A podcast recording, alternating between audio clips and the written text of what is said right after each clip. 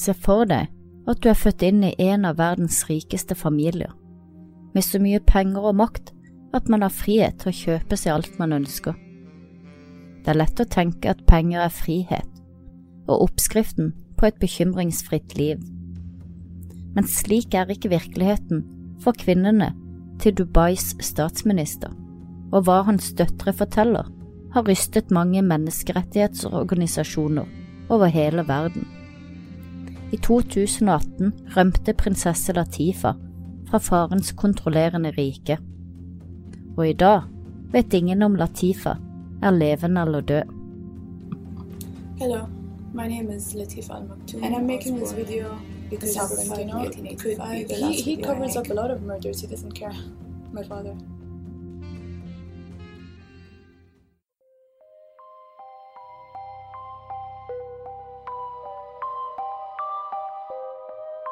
Sett deg godt til rette med noe godt i kroppen, og bli med inn i vår mystiske, grufulle og forunderlige verden.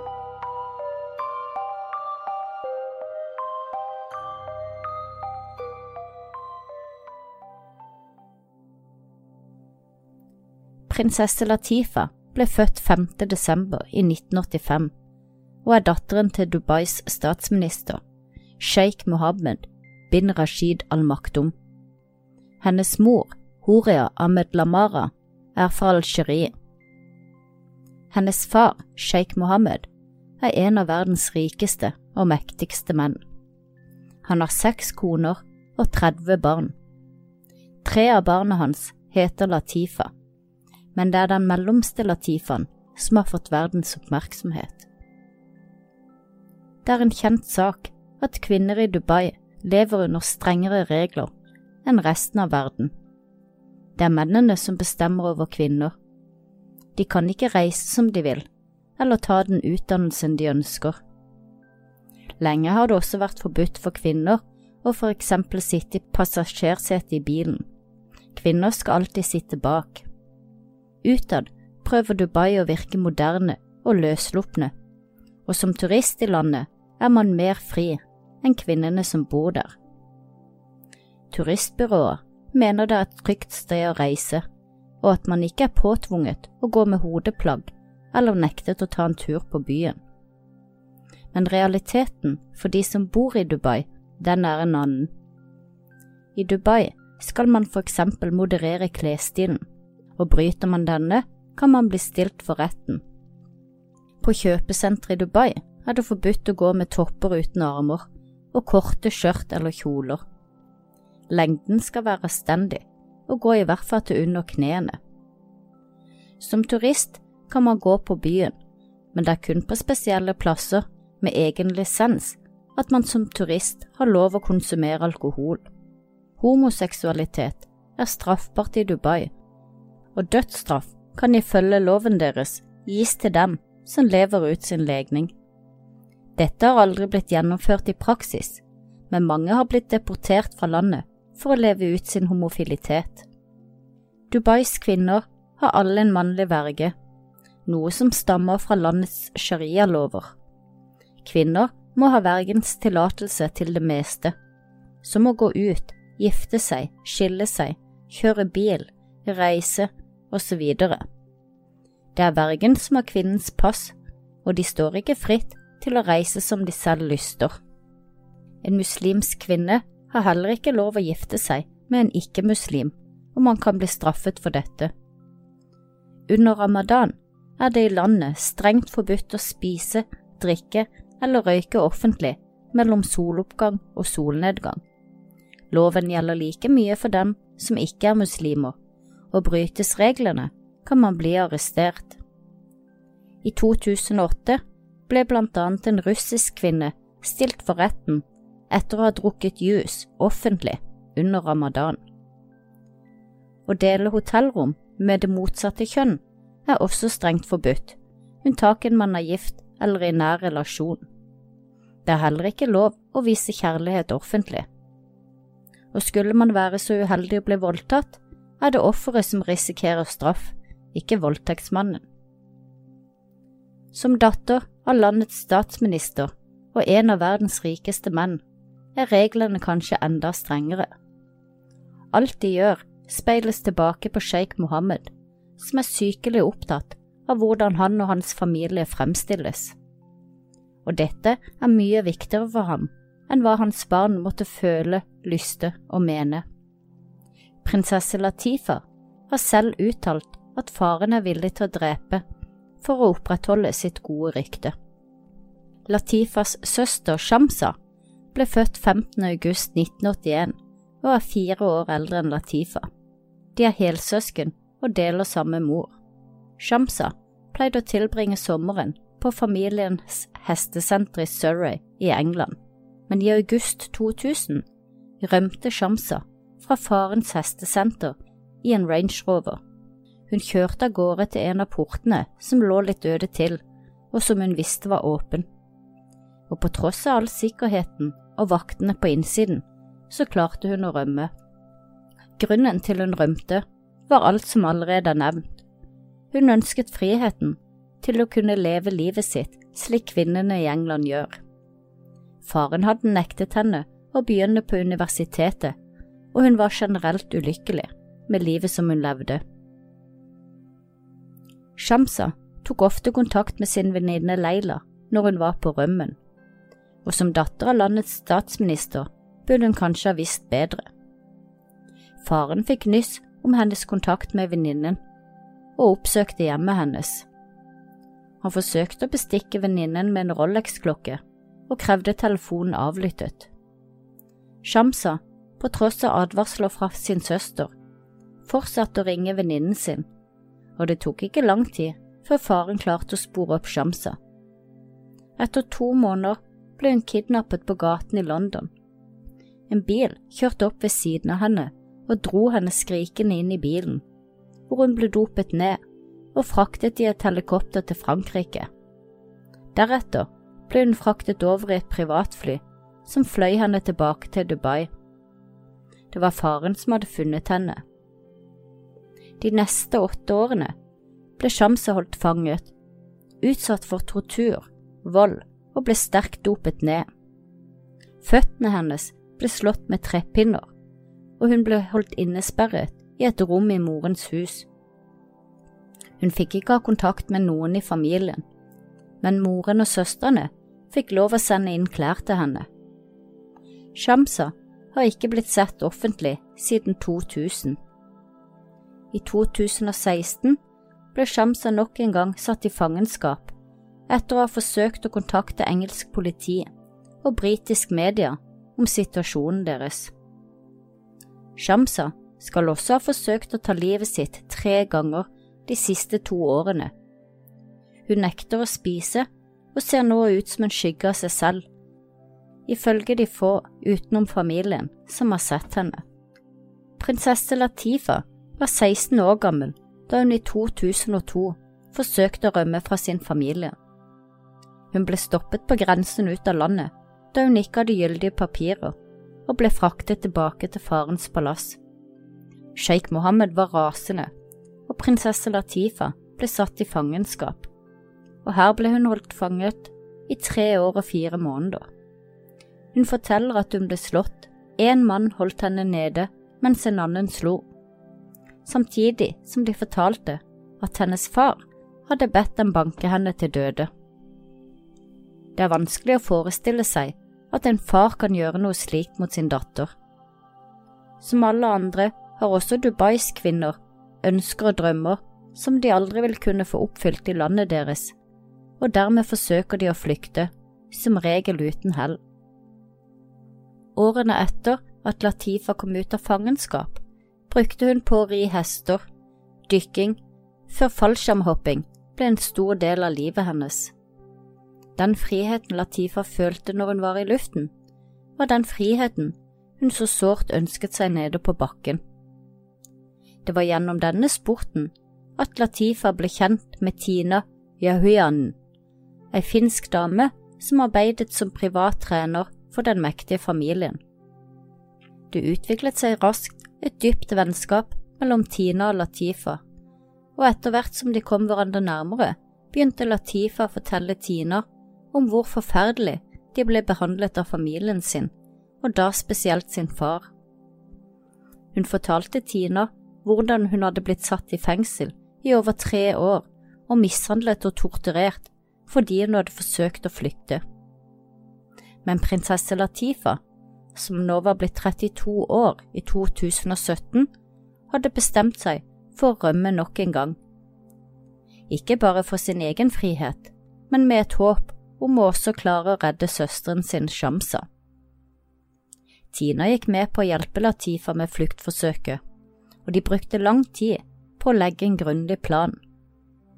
Tina var den som ordnet det meste, siden hun hadde friheten til å gjøre det. De tok kontakt med en tidligere marinejeger som skulle hjelpe dem det siste stykket over til internasjonalt farvann og inn i India.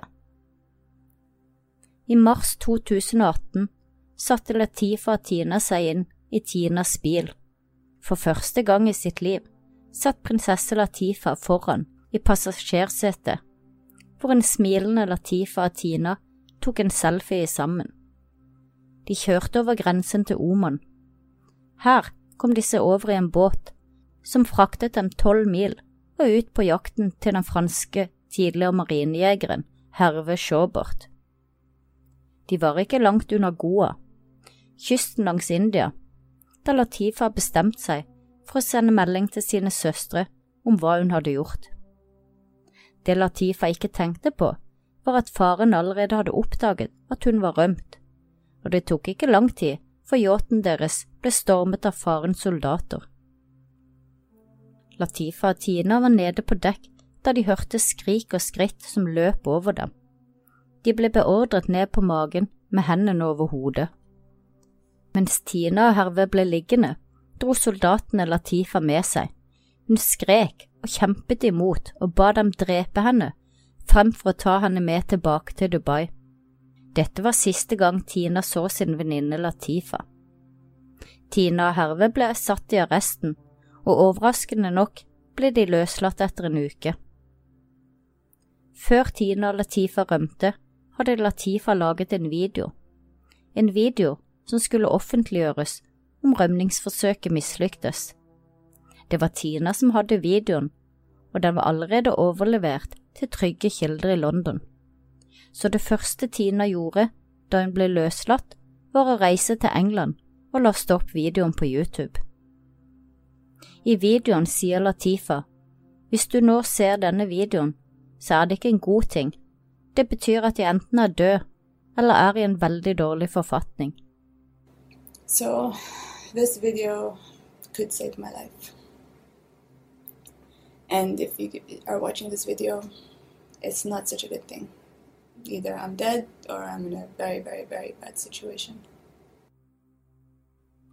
Videre forteller Latifa om hvorfor hun rømmer, om farens strenge regime, om friheten de ikke har, og hvordan faren er en stor tyrann som kun bryr seg om seg selv og ikke nøler med å drepe eller torturere dem som ikke følger hans ordre. Hun forteller at hun trenger hjelp, og hennes håp er at videoen skal presse faren til å slippe henne fri, for å ikke ødelegge sitt navn og rykte for resten av verden. Hun håper også videoen vil gjøre det vanskelig for faren å drepe henne. Hun poengterer at uansett hva som måtte komme frem av opplysninger om hun ikke klarer å rømme, vil være løgn. At hun ikke lider av noen mentale sykdommer, eller på noen som helst måte ønsker å være i Dubai, på farens palass. Hun kan ikke få sagt det mange ganger nok at om hun blir hentet tilbake av faren, så er det ufrivillig, og vil da trenge hjelp for å komme seg ut av fangenskapet. Tina og mange flere dro i gang store kampanjer, og det tok ikke lang tid før prinsesse Latifas video ble fanget opp av flere medier og blant brukerne på YouTube. Problemet er at når det er en av verdens rikeste og mektigste mann som er faren, og som mange har en økonomisk interesse i, så blir det ikke lagt press på ham, slik man ville gjort om et hvilket som helst annet menneske ble kidnappet og holdt fanget i foreldrenes hjem mot sin vilje. Likevel merket nok sjeik Mohammed på presset over datterens video. Tina stilte dessuten opp og gjorde flere intervjuer hvor hun fortalte om Latifa sin situasjon og hvordan sjeik Mohammed styrer familien med jernhånd, utsatte dem for tortur og mishandling. And she was vegan because of her, uh, she was very compassionate uh, towards animals. Um, as you're aware, uh, Latifa was, was in prison from 2002 because of her previous uh, attempt to escape from UAE. Uh, and after she was released, um, she basically found comfort in uh, spending time with animals. So she used to go to uh, the Maktoum family stables and uh, spend time with horses because she didn't she didn't feel like she could trust um, humans at that point of time. Utad ser man en rik, velkledd familie, hvor konene går i lekre klær uten hodeplagg, og kan minne mer om en Hollywood-familie enn et kvinneundertrykkende og strengt regime. Men det er utad. Innenfor palassets mange vegger er det stikk motsatt. Flere menneskerettighetsorganisasjoner involverte seg nå i kampen for å fri Latifa. Flere fryktet at hun allerede var blitt drept. Så plutselig, den 15. desember 2018, kommer det første livstegnet fra Latifa. Det er tydelig at sjeik Mohammed har fått med seg ryktene som verserer om at han har drept sin datter. Så i et forsøk på å avlive ryktene inviteres den tidligere presidenten i England, Mary Robins, på besøk til familien og for å treffe Latifa. Mary Robins har også tidligere vært FNs høykommissær for menneskerettigheter. Etter besøket ble det sluppet bilder av Latifa sittende sammen med Mary Robins.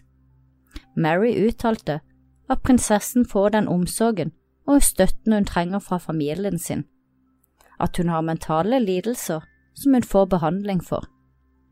Videre kunne hun fortelle at både Latifa og familien så fram til å kunne bygge en stabil fremtid for henne. Hadde Mary Robins virkelig ikke fått med seg videoen til Latifa? var vennskapet med sjeikens kone viktigere enn Latifas liv. For Tina og organisasjonen Fri Latifa, som arbeider aller hardest for å hjelpe henne og dele historien hennes, var det en lettelse å vite at Latifa var i live. Men bildene verden fikk se, gjorde dem også triste og opprørte. Det er ingen tvil hos dem om at Latifa lider hver eneste dag. Ser man bildene, er det lett å se at hun ikke har det greit, og antageligvis så går hun på sterke medisiner for å holdes nede. Blikket er fortvilet, ansiktet virker oppblåst, og hun ser annerledes ut enn på videoen og bildet som ble tatt rett før hun rømte. Mange er også sterkt opprørt over Mary Robins uttalelser og dårlige evne til å se og hjelpe Latifa.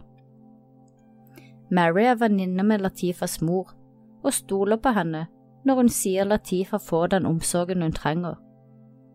For en kvinne som har arbeidet med menneskerettigheter, og som har makten til å gjøre noe, er det en skam at hun ikke gjør noe mer for å hjelpe Latifa.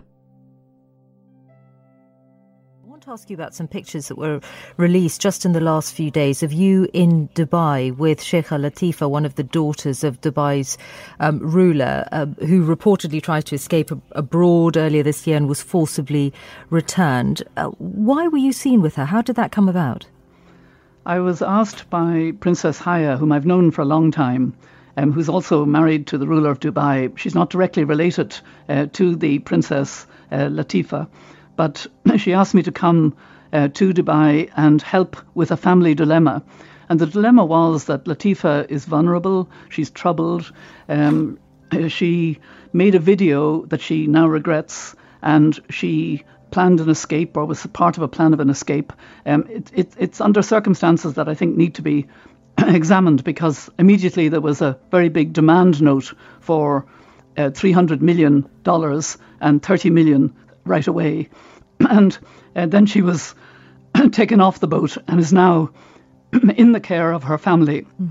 And um, I had lunch with her. She's a very likable young woman, but clearly troubled, clearly um, needs the medical care that she's receiving.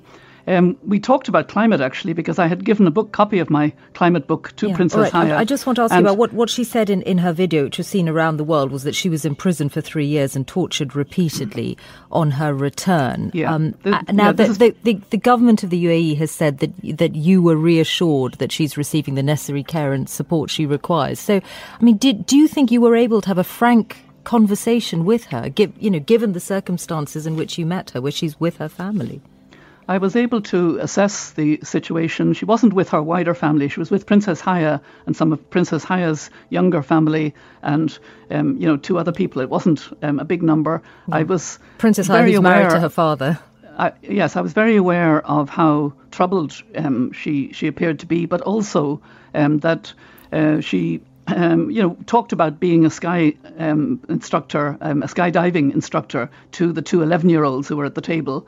And she talked about um, the future. And uh, we talked about climate change. And I mentioned that I will be back in Dubai um, in early March because my book is, I'm promoting it at the Emirates uh, Literary Festival. Right, I also to, sent to, a report. To, I also, excuse me, uh, yeah. I want to say this. I, I also sent a report that evening before um, um, uh, to Michelle Bachelet, the current High Commissioner for Human Rights. And while I was in Dubai, I had a telephone conversation with the uh, most recent High Commissioner Zaid, who's also a good friend. These are good friends of mine. Okay. We so you are, those who are concerned about Sheikh Al Latifa, you would say you are assured that she is being well looked after. Yes, um, I, I, think it's a very uh, complicated situation. I understand the concern. I talked. I've also been in email exchange with Ken Roth, the head of Human Rights Watch, because I know they've been very concerned. But I think you have to bear in mind that this is a troubled young woman who has a serious um, medical situation. She's receiving psychiatric, psychiatric care, and um, they don't want her to endure any more publicity. And that was the dilemma. So when I wrote to Michelle Bachelet, I sent her um, the three photographs that I was happy would be released to help the family to um, uh, allow it to be understood that this is a, a, a, family matter now and that she is in the care and loving care of her family. Mary Robinson, thank you very much. Etter at bildene ble sluppet, ble det stille i media, og for mange var prinsesse Latifa allerede glemt, før det plutselig, en julidag i 2019, eksploderte i medier verden over, og da spesielt i England da sjeik Mohammeds kone Haya i juni rømte med sine to barn til London. Her har hun nå søkt om beskyttelse mot sin mann, og for å få full omsorgsrett over barna. Haya, som er 45 år gammel, har vært gift med sjeik Mohammed, som nå er 70 år, siden 2004, og sammen har de to barn. Haya kommer selv fra en rik familie. Hun er datteren til kong Hussein av Jordan og hans tredje kone Ali al-Hussein. Hun er en aktiv og respektert kvinne. Haya gjemmer seg nå i London. Hun har oppgitt til retten at hun frykter for sitt liv etter å ha rømt fra sin mann. Hun har også søkt retten om beskyttelse mot tvangsekteskap og overgrep, noe man kan søke i England hvis man er offer for mishandling. Saken har vakt oppmerksomhet i hele verden, og har også gitt større troverdighet til prinsesse Latifa sin situasjon og historie. Sjeik Mohammed har ikke gitt noen offentlige uttalelser om konen som har rømt, eller på rettsordren som er tatt ut mot ham i England. Men den 10. juni i år så postet han et innlegg på Instagram hvor en ikke navngitt kvinne ble beskyldt for forræderi og svik. Rettssaken vedrørende skilsmisse og omsorg for barna deres, er ventet å starte nå i november, og nylig postet sjeik Mohammed nok et innlegg på sin Instagram hvor han erklærer sin kjærlighet for Haya i et dikt. Han beskriver at han elsker prinsesse Haya, og at hun er den eneste personen blant tusen øyne som bergtok ham og har kontroll over ham. Dette ser derimot ikke ut til å ha endret Hayas ønske om å forlate ektemannen, og hun lever fremdeles under beskyttelse i London sammen med sine barn. I sommer begynte det å gå rykter om at prinsesse Latifa ikke lenger lever. Weeklyblitz.net hevder at prinsesse Latifa angivelig døde i januar 2019, kort tid etter at Mary Robins var på besøk hos dem. Dødsårsaken skal ha vært en overdose på medisiner, og det hevdes at levningen hennes ble hemmelig begravet i nærheten av Sabelpalasset. Vet prinsesse Haya hva som har skjedd med Latifa? Er det en av årsakene til at hun nå valgte å rømme? Eller er det fordi datteren hennes begynner å bli eldre og hun ønsker å gi henne et bedre liv?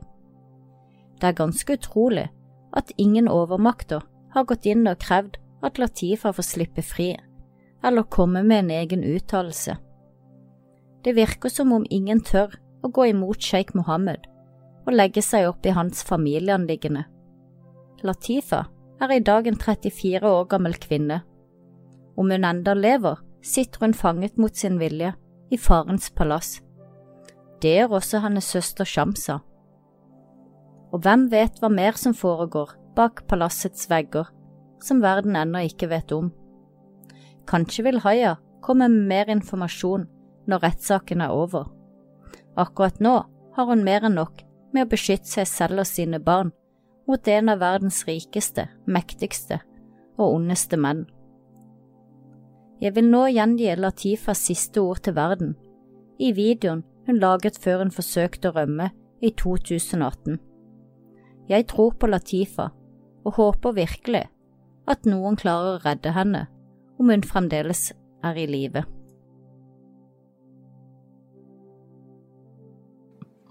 Hello. My name is Latif Al Maktoum. I was born on December 5, 1985. Hei, Um, mitt navn er Latifa Al Maktoum. Jeg ble født 5. desember 1985. Min mor er Horia Ahmed Lamara fra Algeria. Min far er statsminister i UiA og hersker av Dubai, Mohammed bin Rashid al-Maktum. Han har tre døtre som heter Latifa. Jeg er den mellomste. Det er ei som er eldre enn meg, og ei som er yngre enn meg. Og så har han to døtre som heter Miriam. Totalt har jeg 30 brødre og søstre. Jeg må si dette i tilfelle denne videoen blir forsøkt diskreditert ved å si at det er en Latifa der og en Latifa her. Vi er altså tre søstre som alle heter Latifa, og jeg er den mellomste. Mine helsøsken er Meta og Samsha, som begge er eldre enn meg, og så er det Margit, som er yngre enn meg. Jeg lager denne videoen fordi det kan være den siste videoen jeg lager. Ganske snart skal jeg forlate dette landet på en eller annen måte. Jeg er ikke helt sikker på om jeg vil lykkes, men jeg er 99% sikker på at jeg vil klare det. Og klarer jeg det ikke, så vil denne videoen hjelpe meg, for alt min far bryr seg om, er ryktet sitt. Han vil drepe folk bare for å opprettholde ryktet. Han bryr seg bare om seg selv og sitt ego. Så denne videoen kan redde livet mitt. Og hvis du ser eller hører denne videoen, så er det ikke en bra ting. Det betyr at jeg enten er død eller er i en veldig, veldig dårlig situasjon. Så hvor skal jeg starte? I 2000, da min søster Shamsa var 18 år gammel og på ferie i England, så rømte hun. Og i de to månedene hun var fri, var vi i kontakt, mens jeg fremdeles var i Dubai med min mor og mine søsken. Shamsa hadde reist med sin stemor til England. Hun rømte fordi hun hadde liten frihet i Dubai. Hun hadde ikke friheten til å gjøre de tingene som de fleste i den siviliserte verden tar for gitt, som å kjøre bil, reise og ta valg for sin egen framtid. Friheten til å ta egne valg er ikke noe vi har. Når du har det, tar du det for gitt. Når du ikke har det, så oppleves det veldig spesielt. Så hun rømte, og hele tiden hadde vi kontakt. Jeg var 14 år den gangen. Shamsa var. Jeg så på henne som en morsfigur. Hun var min storesøster, men hun tok seg av meg, og vi snakket sammen omtrent hver dag. Så når hun rømte var det hardt, men samtidig var jeg glad på hennes vegne. Men jeg var også veldig bekymret for henne. Og mens hun var på rømmen, kontaktet hun også en venninne i Dubai, Leila Heran. og hun ringte til henne. Og min far, han hadde gått til Leilas hus og forsøkte å bestikke henne med en Rolex, og forlangte å avlytte telefonen hennes for å finne ut hvor Shamsa var. Og Leila fortalte det til Shamsa, at telefonen hennes var avlyttet, og at de prøvde å finne henne. Shamsa fortalte meg dette, og jeg ba henne slutte å ringe Leila, og sa at de kom til å finne henne hvis hun fortsatte. Jeg tror hun var veldig ensom når hun var i England alene. Hun hadde ingen å prate med, så hun pratet med oss, og fortsatte å holde kontakten med Leila. Så etter to måneder fant de henne. Hun gikk på gaten, og to menn i en bil kjørte opp ved siden av henne og kastet henne inn i bilen mens hun sparket og skrek. Så ble hun kjørt til et helikopter, havnet i Frankrike og ble fraktet videre til Dubai. Hun ble dopet ned på flyet. Det var et privatfly, så det var ingen som sjekket det. Så de dopet henne ned og tok henne med tilbake, og der satte de henne i en bygning. Det blir kalt for et telt, men det er ikke et telt, det er en bygning. Det ligger på innsiden av palasset, på min stemor sin tomt.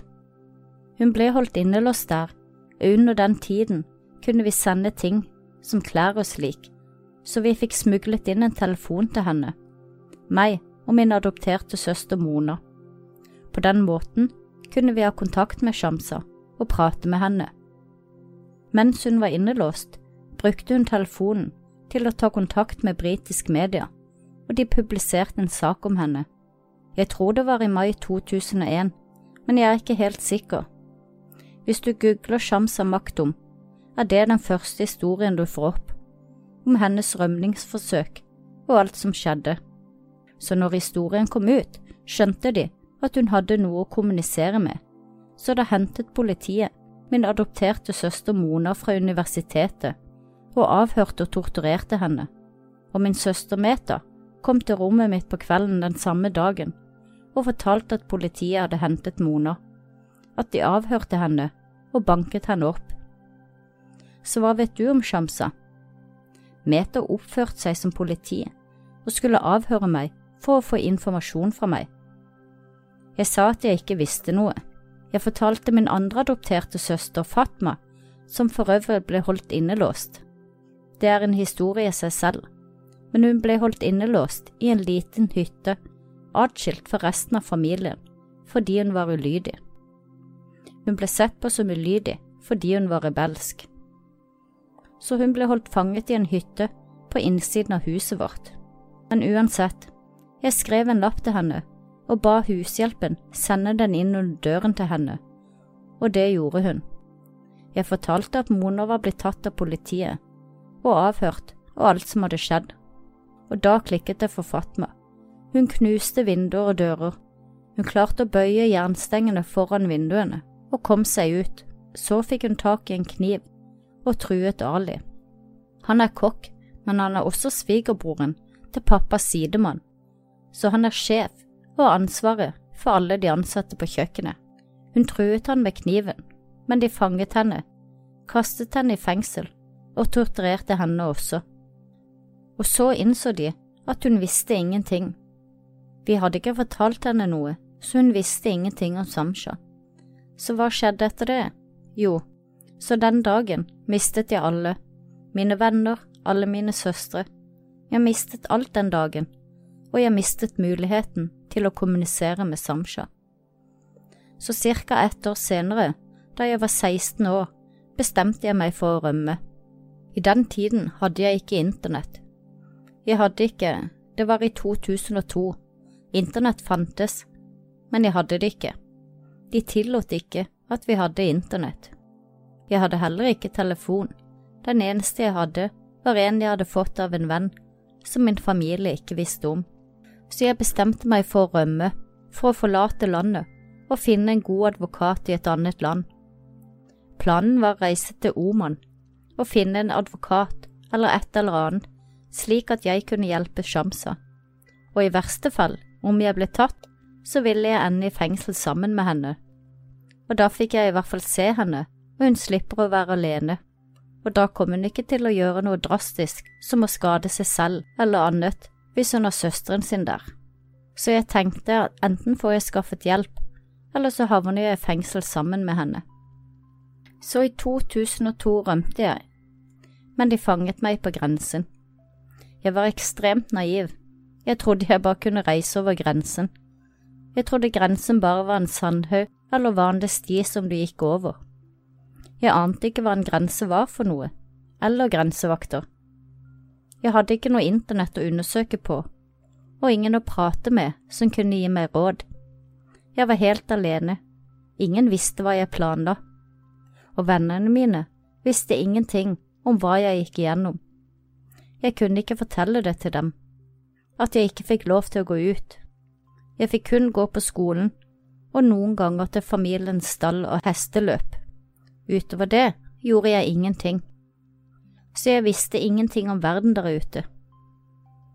Så jeg ble stoppet ved grensen, de fant ut hvem jeg var, og de fraktet meg tilbake til Dubai.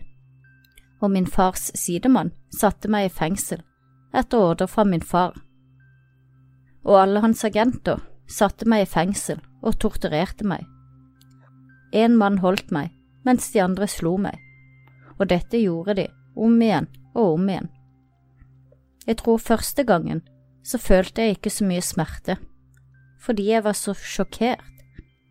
Det føltes som de slo meg gjennom en pute. Jeg kunne se dem, og kroppen ble helt ødelagt, men jeg følte ingenting. Det må ha vært på grunn av sjokket. En lang dag uten søvn, jeg vet ikke. Jeg følte ikke smerten. Torturen må ha vart i halvannen time. Den neste gangen jeg ble torturert, varte det i rundt fem timer. Jeg ble dratt ut av sengen og kjørt til et annet sted i palasset, og så torturerte de meg. Jeg vet hvor lenge det varte, for jeg hadde en klokke. Og de sa til meg at pappa hadde fortalt dem at de skulle banke meg til døde. Det var ordren hans. Det er din fars ordre, herskeren av Dubai sine ord, var det agentene sa til meg. Så dette offentlige imaget som han prøver å vise, med menneskerettigheter og alt, det er bare bullshit. Han er den ondeste mannen jeg noen gang har møtt i mitt liv. Han er ren ondskap. Det finnes ingenting godt i ham. Han er ansvarlig for så mange menneskers død og har ødelagt så mange menneskers liv. Han bryr seg ikke om noen. Han bryr seg kun om sitt eget image, rykte, og han dreper gladelig. Han gjør det ikke selv, men han får andre til å gjøre det for ham. Han bryr seg ikke. Etter at min onkel døde, så drepte han en av konene hans. Han drepte henne, alle vet om det. Det var den marokkanske konen. Grunnen var fordi hun var utagerende. Jeg tror han bare følte seg truet av henne fordi hun snakket så mye så da drepte han henne. Han kunne jo ikke gjøre det når min onkel levde, men så fort han døde. Alle vet hva slags menneske han er. Så totalt så var jeg i fengsel i tre år og fire måneder. Jeg ble fengslet i juni 2002 og kom ut i oktober 2005, men i 2003 var jeg ute av fengselet i en uke. De lot meg være i min mors hus i en uke det var surrealistisk. Når jeg møtte min mor, så forventet jeg kanskje litt sympati, siden fengselet ikke var et normalt fengsel, men konstant tortur. Selv når de ikke gjorde meg noe fysisk, torturerte de meg. De tok av alle lysene. Jeg var helt alene. Det var ingen vinduer eller andre lyskilder. Når de slo av lyset, var det bekmørkt. Og lyset kunne være av i dagevis, slik at jeg ikke visste om det var dag eller natt. De laget lyder for å terrorisere meg, og så kunne de plutselig komme inn på natta og banke meg. Det var ikke et normalt fengsel, på noen som helst måte. Det var tortur, jeg hadde ingenting, jeg fikk ingen klær og gikk i de samme klærne. Jeg prøvde å holde meg så ren som mulig, men etter torturøktene kunne jeg ikke engang gå, så jeg krøp til badet for å få litt vann. Jeg krøp på hender og knær. Det var ingen medisinsk tilsyn. De brydde seg ikke, de ønsket bare at jeg skulle dø. Jeg hadde ingenting, Jeg hadde en tynn madrass med hull i, full av flekker av blod og dritt. Det var skikkelig ekkelt. Et tynt laken som var skitten, og klærne jeg gikk i. De siste månedene før jeg ble løslatt, fikk jeg endelig en tannbørste. Det var veldig vanskelig å holde seg ren. Mot slutten fikk jeg også litt vaskemiddel til klærne, og jeg brukte dette på kroppen min for å prøve å holde meg ren. Det var skikkelig ekkelt. Etter den opplevelsen var jeg i min mors hus i en uke. Der var det såpe, klær, og for meg ble det som et sjokk etter å ha levd under disse forholdene i fengselet. Jeg dusjet fem ganger om dagen. Det var såpe, håndklær og klær. Jeg kunne ikke tro det. Det var mat. Ordentlig mat. Ikke bokser med kjøtt og ris som jeg hadde levd på. Det var fersk mat som jeg kunne spise. Jeg var veldig apatisk når jeg kom ut av fengselet. Jeg hadde mistet mye vekt, og alle klærne mine bare hang på meg som poser, så jeg trengte nye klær. Og alt var bare sjokkerende for meg. Jeg husker første gang jeg kom ut av fengselet og jeg satt i bilen, og da føltes det som bilen kjørte utrolig fort. Jeg hadde ikke vært i bevegelse på over ett år, så det føltes som jeg var i en berg-og-dal-bane, og det gikk kjempefort. Da jeg kom hjem til min mors hus og folk pratet normalt til meg, det føltes absurd. For meg var ingenting normalt lenger. Selv nå, hvis jeg hører en lyd, så våkner jeg. Jeg husker i årene etter at jeg kom ut av fengsel. Hvis jeg hørte en lyd utenfor døren, så hoppet jeg ut av sengen og sto klar, klar for hva som måtte komme. Så ja, det var ikke en god tid så etter å ha vært i min mors hus i en uke, hun viste meg ingen omsorg eller sympati. Hun sa hvis du tror din fengselsopplevelse var ille, så vit at det er så mange andre som har det mye verre. Når hun sa det, følte jeg meg veldig trist og skuffet. Jeg forventet virkelig å få litt sympati fra henne, slik mødre skal gjøre, men det var ingenting, ingen sympati eller omsorg. Jeg fikk heller ingen sympati fra min søster Fatima, men det er ok. De kunne hjulpet meg hvis de ville, men de gjorde det ikke. På den andre siden så var det ikke de som fengslet meg, men de kunne ha hjulpet meg, de kunne ha besøkt meg hvis de ønsket det, de kunne ha hatt litt sympati. De så på meg som om jeg selv hadde gjort dette mot meg, men det gjorde jeg jo ikke. Jeg sa ikke til Samsa at hun skulle rømme. Jeg ba ikke Samsa ringe sin venninne Leila, og jeg gjorde ikke dette mot meg selv. Det eneste jeg gjorde, var å prøve å forsvare min søster og hjelpe henne. Det var det som skjedde mot meg. Så tilbake til når jeg var i min mors hus. Jeg var der bare i en uke. Etter en uke fikk jeg et sammenbrudd. Jeg husker ikke helt hvordan det startet, men jeg bare skrek og skrek at jeg ville treffe Shamsa, og jeg klarte ikke å slutte å skrike. Jeg kan ikke forklare det. Jeg bare skrek og skrek, jeg vil se Shamsa, jeg vil se Shamsa. Jeg slo etter folkene rundt meg, så de endte opp med å holde meg fast, og jeg tror de ringte politiet. Flere menn holdt meg fast, og så kom det en doktor som ga meg en injeksjon. De tok meg ut i en bil. Kanskje var det en ambulanse, jeg husker ikke, men jeg tror det var en bil. Jeg bare skrek. Jeg klarer ikke å huske. De prøvde å roe meg ned og dope meg ned.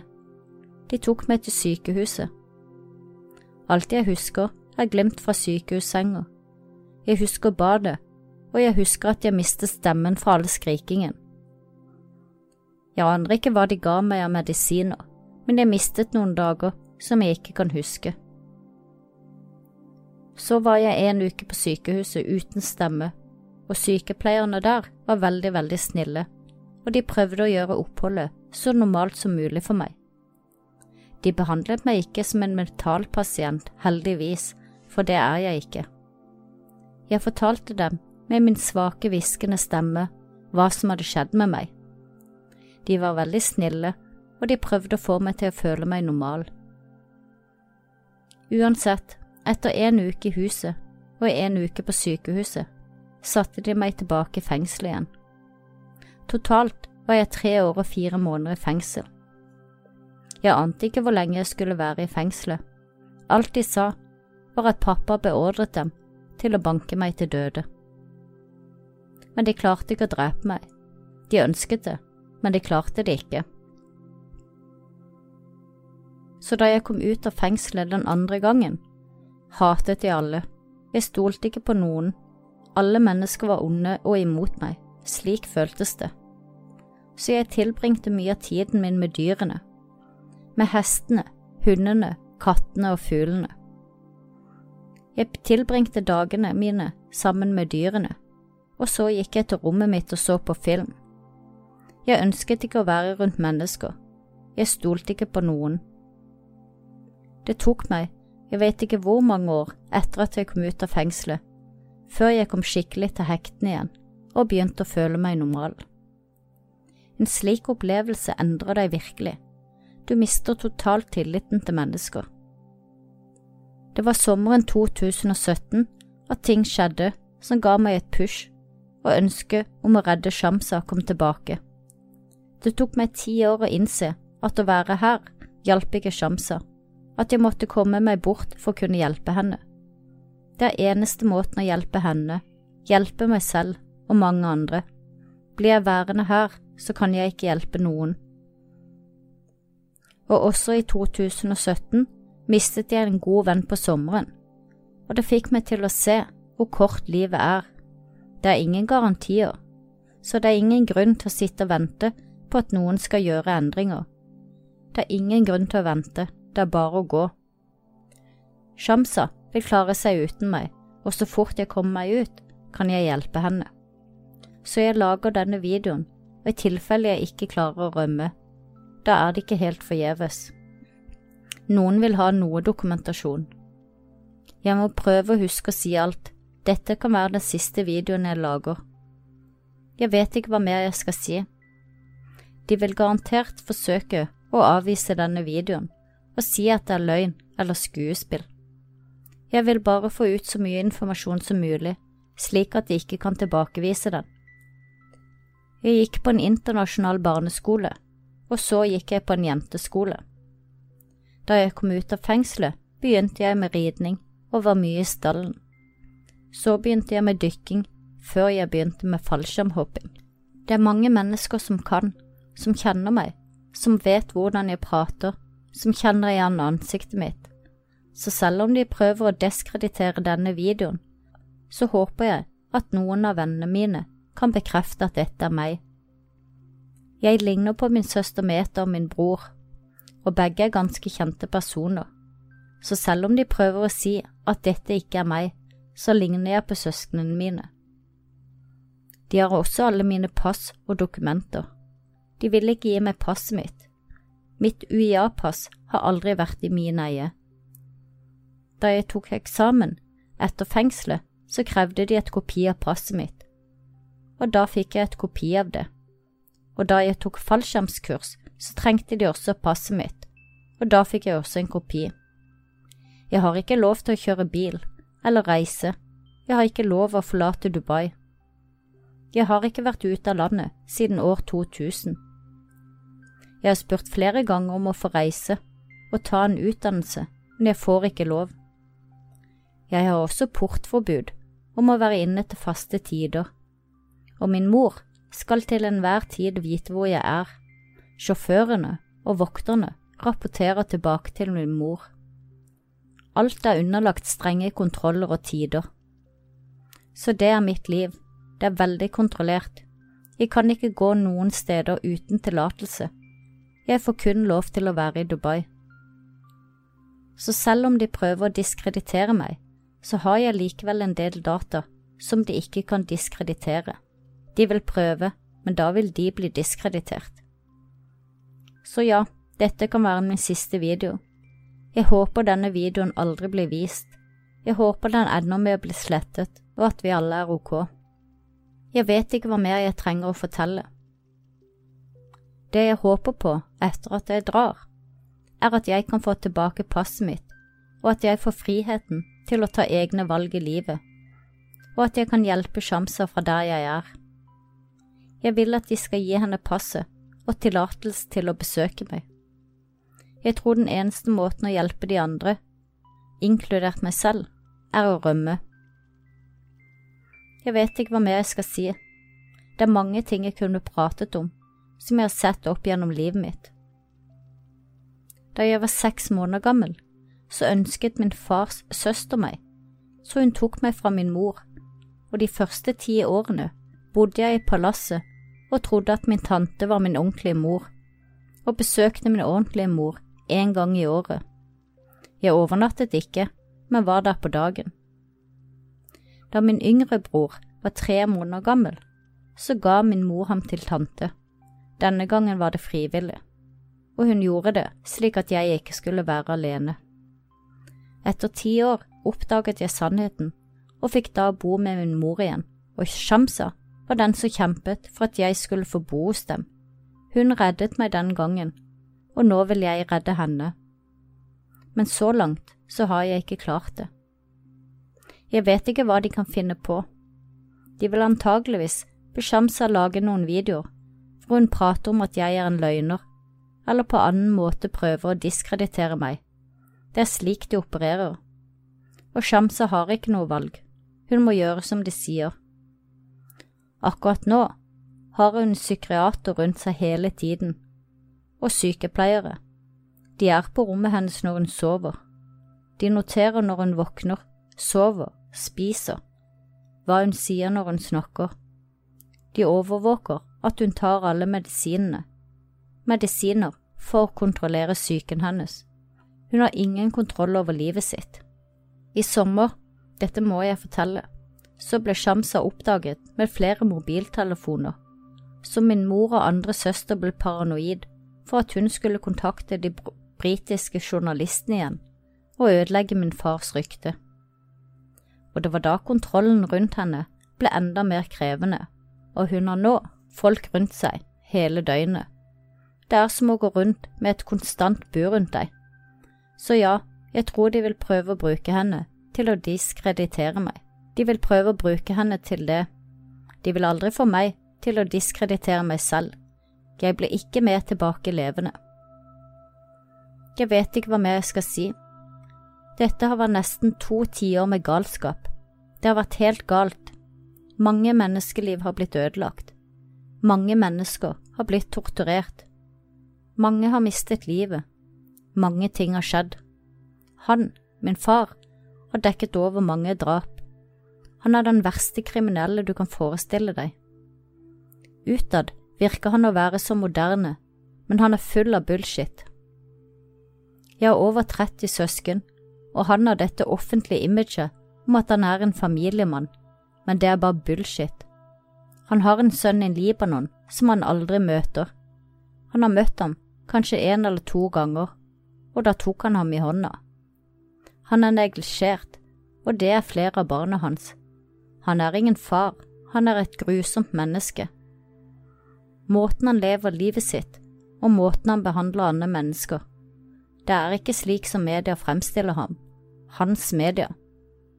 Du må huske at media i Dubai er sterkt kontrollert, og slik er det for store deler av Midtøsten. Jeg vet ikke hva mer jeg skal fortelle. Jeg føler at hvis jeg blir drept, hvis jeg ikke klarer å rømme, så har jeg i hvert fall denne videoen. Det er trist at jeg har kommet til det punktet, at jeg må lage en video, men jeg har ikke noe valg. Jeg vet ikke hva mer jeg kan si. Jeg prøver å tenke på livet og ting som har skjedd, hva som er viktig å få sagt. Jeg håper virkelig at jeg ikke får bruk for denne videoen jeg føler at jeg ikke kommer til å få bruk for den. Jeg føler meg positiv over framtiden. Det føles som starten på et nytt eventyr. At jeg endelig skal få tilbake livet mitt, friheten min, muligheten til å ta egne valg. Det føles som et nytt kapittel i livet, hvor jeg endelig skal få en stemme og ikke bli stilnet. At jeg skal få muligheten til å fortelle hva som skjedde med Samsa, med meg, med oss. Jeg ser virkelig fram til det. Jeg vet ikke, jeg vet ikke hvordan jeg vil føle det, å våkne opp om morgenen og kunne gjøre det jeg vil, gå hvor jeg vil, og ta egne valg slik resten av verden gjør. Jeg gleder meg til det, det vil føles veldig spesielt. Det er begrenset hvor mye et menneske kan gjøre når de bor kontrollert. Jeg ser fram til at Shamsa skal få et bedre liv. Jeg ser fram til mange ting. Jeg føler virkelig at dette er starten på et nytt kapittel i livet. Jeg har ingen grunn til å bli i Dubai, og jeg har ingen grunn til å komme tilbake hit. Jeg har mennesker jeg er glad i, men de kan komme og besøke meg, for jeg kommer aldri tilbake. Men det er også vanskelig, for jeg vet ikke hvor jeg kommer til å ende opp, hvor jeg kan bo. Jeg vet ingenting annet enn at jeg skal dra. Jeg vet hvor jeg skal rømme til, og der blir jeg en liten stund, men jeg vet ikke hvor jeg ender opp med å bosette meg. Jeg prøver å tenke om det er noe mer jeg skal si, hva skal jeg fortelle om? Alle drapene, misbruket, mishandlingen jeg har opplevd og sett? Skal jeg prate om Jeg vet ikke hva jeg skal prate om, uten at det blir en veldig, veldig lang historie. Jeg vet ikke, jeg burde kanskje, men han er ansvarlig for mange dødsfall. Han er en stor kriminell mann. Det finnes ikke rettferdighet her, spesielt hvis du er kvinne du blir behandlet som søppel og er lett å erstatte. Han har til og med brent ned hus for å skjule bevis. Han har brent ned hus, han er gal. Jeg føler det er på tide at han får møte konsekvensene for alt han har gjort i sitt liv, og det kommer han til å gjøre, det fortjener han, han kommer til å møte dem uansett hva han gjør mot meg. Han kan torturere, jeg er ikke redd for ham, han skremmer meg ikke, han er patetisk, et patetisk menneske, han kommer til å få konsekvenser, ikke bare for det han har gjort mot meg, men mot mange andre. Jeg tror ikke jeg har mer å si. Forhåpentligvis får jeg ikke bruk for denne videoen. Har jeg noen siste ord?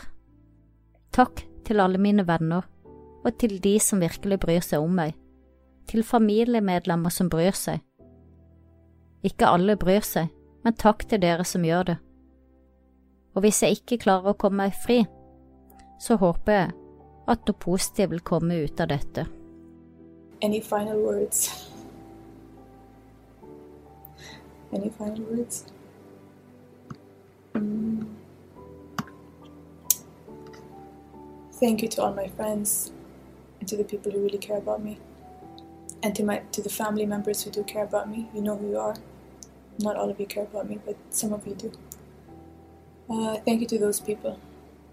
And uh, if I don't make it out, I really hope that some positive change will happen from all of this.